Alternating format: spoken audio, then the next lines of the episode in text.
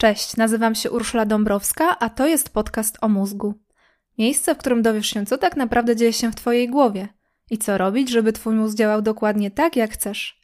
Jeśli nie zawsze, to przynajmniej częściej niż teraz.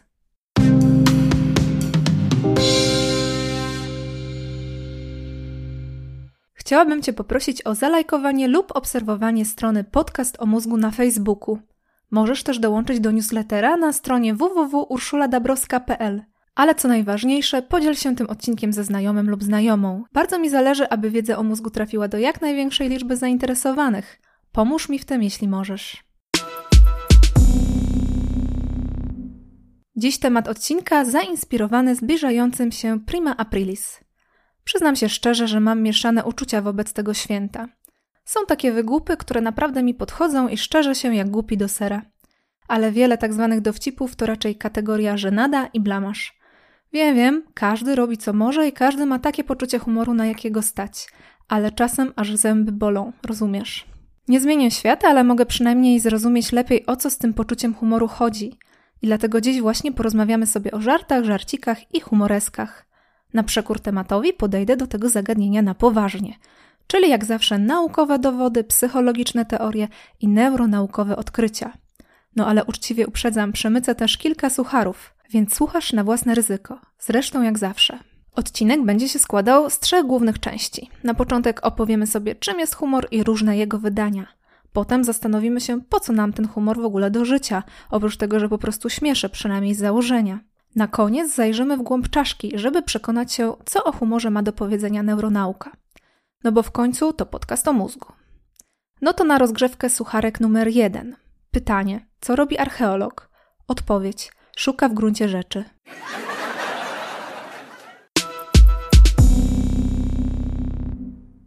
Ktoś kiedyś powiedział, że tłumaczenie dowcipu jest jak sekcja żaby. Nikomu się nie podoba, a żaba przy tym umiera.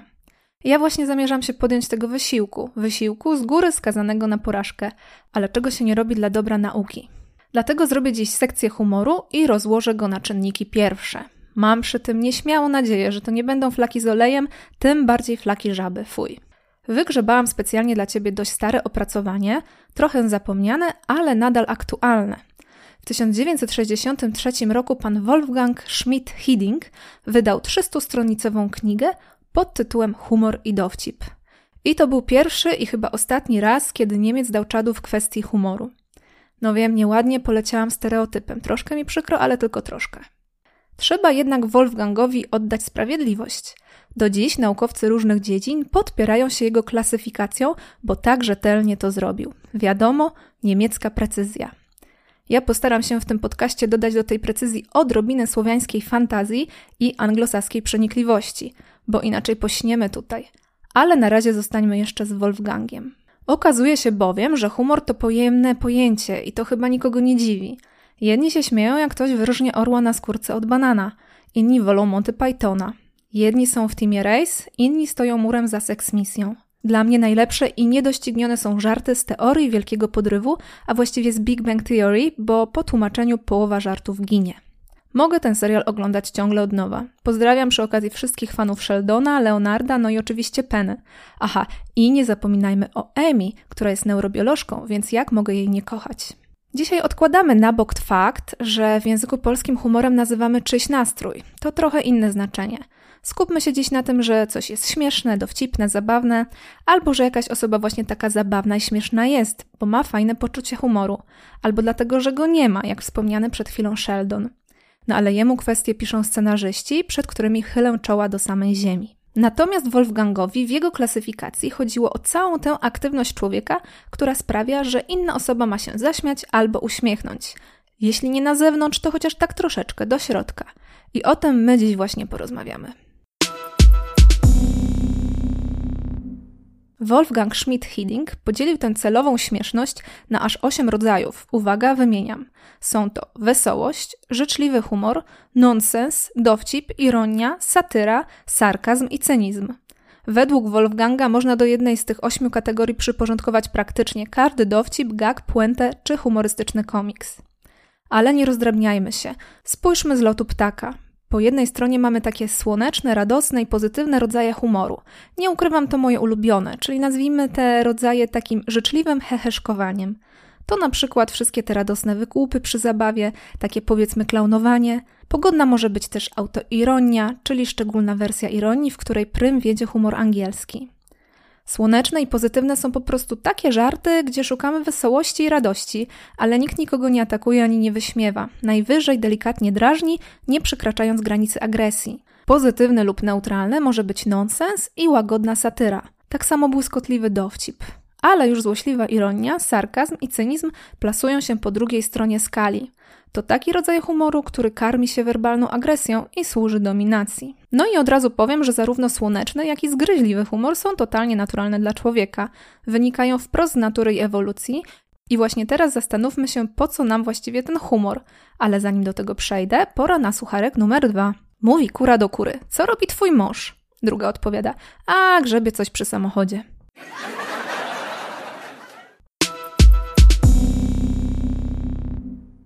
Po co nam właściwie humor? Taka trochę strata czasu i energii, prawda? Otóż nie. Humor i śmiech to ważne zdobycze gatunku Homo sapiens. I zacznijmy od śmiechu właśnie. Tak będzie łatwiej, bo śmiech był dużo, dużo wcześniej niż humor. Po pierwsze, śmiech to jest coś, co dzielimy z innymi zwierzętami. Psy, małpy, a nawet szczury pochukują w pewien specyficzny sposób. Specyficzny i zrozumiały dla innych przedstawicieli swojego gatunku. Po co to robią? Żeby sobie ułatwić kontakt z innymi. Zazwyczaj śmieją się, by prezentować pokojowe zamiary. Heheszkują, żeby pokazać innym, że mają dobre intencje, chcą razem coś porobić, pobawić się, ale przy tym agresja zero. My też tak się śmiejemy. W czasie rozmowy wrzucamy haha albo hehe, żeby tworzyć wyluzowaną atmosferę. Śmiech może towarzyszyć śmiesznym sytuacjom, ale często to działa w drugą stronę. Śmiech wprowadza radosny nastrój. No i najlepiej, jak robi się dodatnie sprzężenie zwrotne. Jak dobrze zadziała, to kończy się zakwasami mięśni międzyżebrowych i przepony. Takie są koszty śmiechu. Ale zyski dużo wyższe, bo śmiech to zdrowie i fizyczne, i psychiczne. Porządna porcja śmiechu obniża stres i jego niekorzystny wpływ na zdrowie. Śmiech wspiera układ odpornościowy, a nawet obniża ryzyko zawału albo wylewu, bo daje zdrowy wycisk układowi sercowo-naczyniowemu. Śmiech powoduje też wydzielanie tzw. Tak hormonów szczęścia, dopaminy, serotoniny i endorfin. Dobrze, koniec promocji śmiechu, bo przecież jest zupełnie niepotrzebna. Kto przy zdrowych zmysłach unika albo nie lubi śmiania się? No nie wiem kto. Najważniejsze, co tu trzeba podkreślić, to jednak społeczny charakter śmiechu. I u zwierząt, i u ludzi. Jasne, możemy się chichrać przed telewizorem albo do książki, ale zazwyczaj śmiejemy się do innych i z innymi. To teraz przejdźmy do humoru, bo okazuje się, że humor to po prostu inteligentne rozwinięcie śmiechu. Wbrew pozorom potrzeba dużo zasobów poznawczych, żeby wymyślać i rozumieć dowcip, ale o tym za chwilę. Zauważmy, że każdy dowcip, czy słowny, czy rysunkowy, jest wymyślany przez kogoś dla kogoś. Szukałam przez chwilę w głowie, czy jest jakiś wyjątek od tej reguły. Czy śmieszy nas coś, co nie powstało po to, żeby było śmieszne, i widzę jeden taki obszar to zwierzęta. Wiadomo, internet powstał właśnie po to, żeby nabijać się z kotów. Ale moimi ulubieńcami są jednak pandy, wydry i leniwce. Boki zrywać. Wpisz w YouTube frazę Funny Panda Videos, a twoje życie już nigdy nie będzie takie samo. Co to są za głupole, to trudno opisać. Zwierzęta nas śmieszą, ale mam takie przypuszczenie, że śmieszą nas najbardziej, gdy przypominają jakieś głupkowate zachowania ludzi, bo już mrówki i węże to takiego efektu nie dają. Wydaje mi się, że mamy w głowie zamontowany specjalny program. Program, który sprawia, że rozbawiają nas niepoważne, nieporadne zachowania innych, czy to ludzi, czy to zwierząt właśnie. I to znów sprowadza mnie do tego wątku społecznego. Śmiejemy się, wygłupiamy i robimy sobie żarty, żeby zaciśniać więzi z innymi. Głupkowate i nieporadne zachowania innych śmieszą nas, żebyśmy się do tych żałosnych ludzi nastawili łagodnie, a nie wrogo. Żebyśmy się pośmiali, ale potem jednak pomogli wstać z kałuży i posprzątali skórki od bananów. Śmiejemy się z głupoty, żeby się nie zezłościć. Całkiem sprytny bezpiecznik od matki natury. No ale zaraz, zaraz, czy nie mówiłam przed chwilą o mrocznych, agresywnych żartach? Co z nimi? A no właśnie.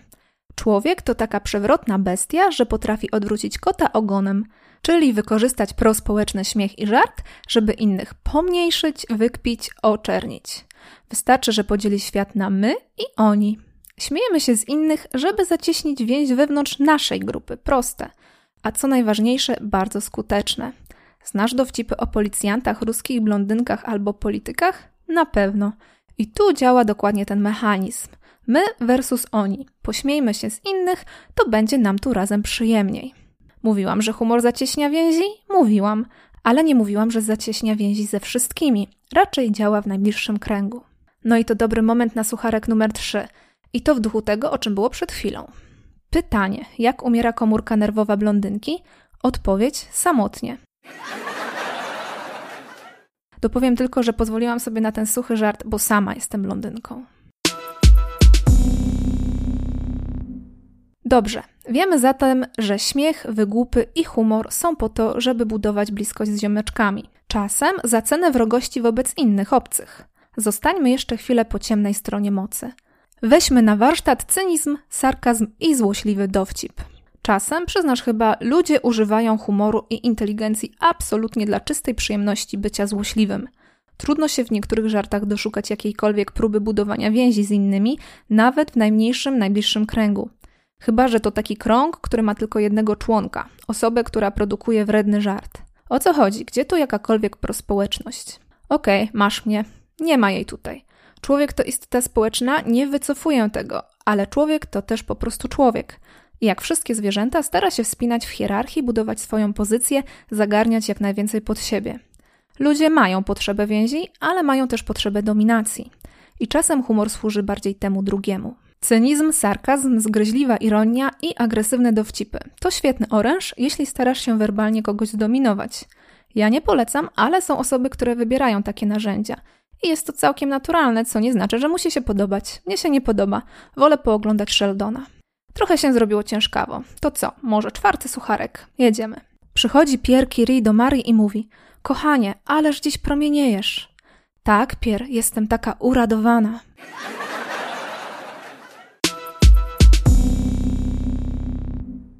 Już wiemy o co chodzi z tym humorem w komunikacji międzyludzkiej.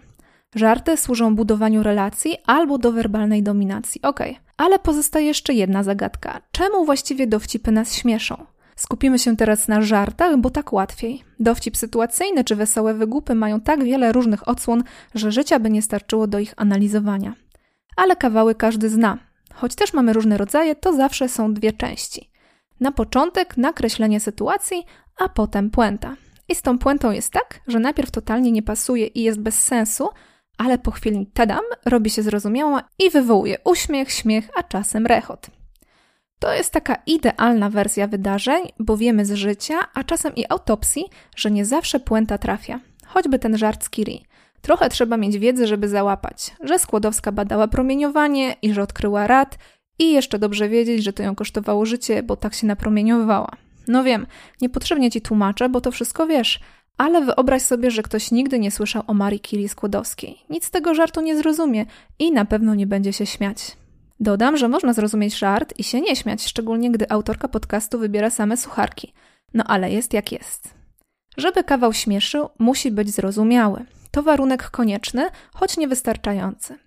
Żeby był zrozumiały, nadawca i odbiorca muszą mieć w danym temacie podobną wiedzę. Tu znów pojawia się taki wspólnotowy wątek. Najłatwiej tę wiedzę zbudować na tym, że my jesteśmy mądrzy, a inni to bałwany. Ale przecież dużo fajnych dowcipów to takie dowcipy branżowe, które powstają w środowisku i są zrozumiałe tylko dla danej grupy, warstwy społecznej albo nawet dla rodziny czy kręgu znajomych. Wspólna wiedza pomaga, ale potrzebna jest też inteligencja, myślenie abstrakcyjne. Dlatego małe dzieci nie rozumieją nawet prostych dowcipów, takich, które opierają się na przykład na dwuznaczności jakiegoś słowa. Choćby ta kura z początku. Trzeba wiedzieć, że słowo grzebie można rozumieć dosłownie i w przenośni. I kura grzebie, i mąż grzebie, ale to dwa różne grzebania. Dowcip niby taka płocha rzecz, a mózg musi się nieźle napracować. Dlatego mówiłam, że humor jest twórczym rozwinięciem zwierzęcego rechotania. Żeby coś śmieszyło, to nadawca i odbiorca muszą trochę swoje komórki mózgowe nagimnastykować. Rozwinę zaraz ten wątek, ale najpierw piąty sucharek.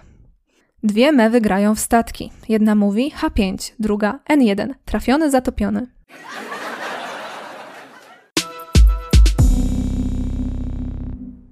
To teraz jeszcze raz popatrzmy, co się dzieje z mózgiem, gdy słuchasz dowcipu. Możesz się go spodziewać, bo ktoś zaczyna hej, opowiem ci kawał. Ale możesz też oglądać kabaret, stand-up albo komedię i odpowiednia intonacja oraz timing sprawi, że twój mózg i tak wyłapie początek gagu. Chodzi o to, że ktoś zaczyna przedstawiać jakąś sytuację. Choćby takie proste dwie mewy grają w statki. Mózg wyobraża sobie tę scenę, zaciąga z pamięci wszystkie konteksty i zasady gry. Tworzy na chwilę wyimaginowany świat, gdzie mewy gadają, mają zeszyty w kratki i ołówki. Mózg więc czeka, jak rozwinie się akcja i liczy, że będzie miała sens. Bo musisz wiedzieć, że mózg kocha logikę i związki przyczynowo-skutkowe. Przy H5N1 mózg orientuje się, że jakieś dziwne te zagrania, coś tu nie gra. Szybko mózgowi zaczyna świtać, że ta zbitka ma jakieś dodatkowe znaczenie. Trochę przy tym robi się nieswojo, bo tu była mowa o gadających mewach, tu o grze w statki, a teraz jeszcze dochodzi symbol ptasiej grypy. W mózgu tworzy się napięcie, oczekiwanie, że coś to musi się wyjaśnić, dopełnić. I ów, przychodzi puenta, trafiony, zatopiony, no jasne. I w statkach, i w ptasiej grypie tak się wszystko makabrycznie dla przegranej mewy kończy. W tym momencie w mózgu wszystkie elementy znów składają się w sensowną całość. Wspaniale. Tak wspaniale, że układ nagrody odpala na całego. Zasługujesz na nagrodę, miłe uczucie, satysfakcję, bo twój mózg musiał się skupić i rozwiązać problem. To niezła gimnastyka. Wesołość opłaca ten wysiłek, żeby chciało ci się go znów wykonać.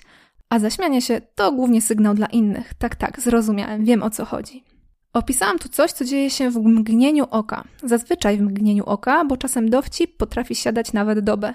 Sama usłyszałem kiedyś, pamiętasz ten dowcip z wczoraj? Rano go wreszcie zrozumiałam. Bo dla mózgu kawały to po części trochę takie zagadki, dlatego najbardziej męczy się przy nich kora czołowa, siedlisko naszych najbardziej rozwiniętych ewolucyjnie funkcji poznawczych. Ale gdy przychodzi rozwiązanie, a z nią dopaminowa nagroda, to dochodzi do tego cała emocjonalna reakcja, czyli właściwie układ limbiczny. No i jak dobrze pójdzie, pojawia się i śmiech. Zauważ, że najwięcej śmiejemy się z dowcipów w towarzystwie, bo jak pamiętasz, śmiech jest więziotwórczy i prospołeczny, a dowcip sam w sobie nie musi taki być. Zrozumienie dowcipu daje dużo satysfakcji, bo mózg znajduje upragnione rozwiązanie. Może znasz takie określenie aha moment, chwila, gdy wpadasz na rozwiązanie jakiegoś problemu. To właśnie dzieje się za każdym razem, gdy złapiesz puentę i dlatego powinno się nazywać raczej haha moment. Zauważ, że najbardziej śmieszne są te dowcipy, kiedy dojście do sedna troszkę ci zajmuje. Jeśli coś jest bardzo oczywiste, to nie jest śmieszne, bo dla mózgu to za słabe wyzwanie. Nie musi się postarać, więc i nagroda w postaci rozśmieszenia nie przychodzi. Jeśli mało rzeczy cię śmieszy, to możesz się po prostu pocieszyć, że już za dużo wiesz i jesteś za bardzo inteligentny. Takie są właśnie koszty geniuszu. Trudno cię rozbawić. W podobny sposób działają prawie wszystkie dowcipy. Tworzą jakiś ciąg przyczynowo-skutkowy, ale na końcu pojawia się twist, taki, że wcześniejsze rozumienie trzeba odwrócić, by wszystko tworzyło logiczną całość. Są też dowcipy nonsensowne, ale to jeszcze wyższy poziom, w którym mózg cieszy się z absurdu i braku logiki. Temat na inną opowieść. Jest też dowcip typu potknął się i rozwalił nos, ale jakoś mam poczucie, że słuchacze podcastu o mózgu raczej w nim nie gustują. No i są te wszystkie kawały i psikusy na prima aprilis, które najczęściej śmieszą tylko tę osobę, która je robi. Ech, pozostaje mi tu westchnąć i życzyć sobie i tobie dużo humoru, dystansu i cierpliwości na zbliżający się 1 kwietnia. Aha, na koniec jeszcze sucharek, który sprzedał mi ostatnio mąż. Pytanie: dlaczego w czasie lockdownu Niemcy wykupują ser i kiełbasę, a nie papier toaletowy? Odpowiedź: bo szykują się na worst case scenario.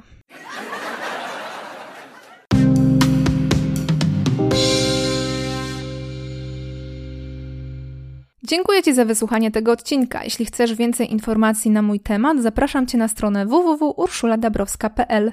Znajdziesz tam mojego bloga oraz opisy moich książek. Zapisz się do newslettera, a informacje o nowych odcinkach będą wpadać prosto na Twoją skrzynkę mailową.